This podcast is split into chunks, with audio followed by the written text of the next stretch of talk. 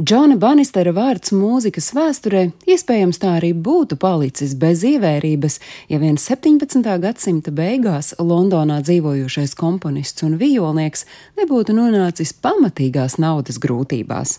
Džons Banisters bija galma mūziķa dēls, kurš izvēlējās iet sava tēva pēdās un arī kļuva par mūziķi. Tiesa, viņa kā vijolnieka un komponista karjera nebija pati veiksmīgākā, bet iespējams tieši tāpēc Viņa vārds nav pazudis, bet gan diezgan trekniem burtiem ierakstīts kultūras vēsturē.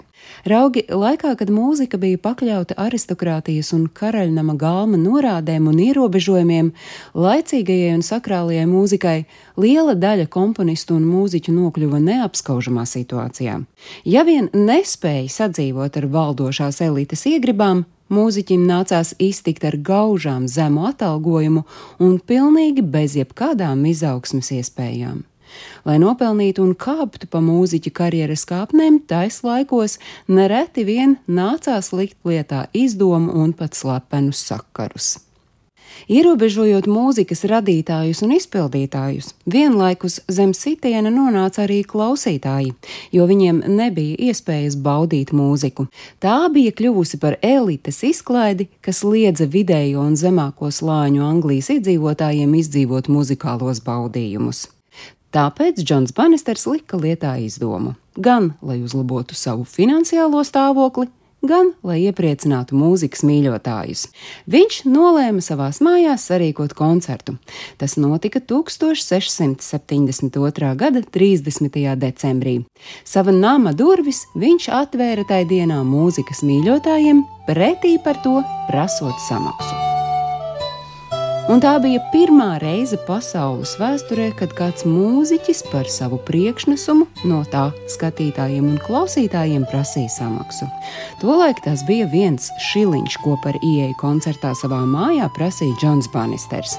Viens šiliņš deva iespēju klausīties mūziku sava prieka pēc, bet ļāva arī klausītājiem kļūt par koncertu norises ietekmētājiem, jo ik viens, kurš bija samaksājis ieejas maksu, varēja arī pasūtīt mūziku. Pēc pirmā veiksmīgā koncerta Džons Banisters saprata, ka tā ir viņa iespēja noturēties virs ūdens un turpināja rīkot koncertus.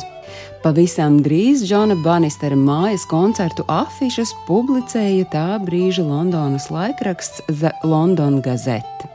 Šie koncerti vidusšķiras klausītājiem ļāva izbaudīt mūzikas pasūtītāju burvību, ko tolaik vara viņiem bija liegusi. Pēc 30. decembra koncerta Džona Banistera piemēram radās sekotāji. Krodziņu un tavernu īpašnieki arī sāka rīkot pasākumus un koncertus par maksu. Viņi bija atklājuši, ka tā ir iespēja piesaistīt apmeklētājus un nenoliedzami gūt peļņu. Pamazām komerciālie koncerti kļuva populāri visā Anglijā, un pamazām no mājām, dzīvokļiem, krogiem un lokāliem tie pārcēlās arī uz akadēmisko vidi. Viena no pirmajām ir Holivēlas mūzikas telpa, kas atrodas Londonā, Oksfordā, un ir vecākā speciāli būvētā mūzikas telpa Eiropā un arī pirmā koncerta zāle Lielbritānijā.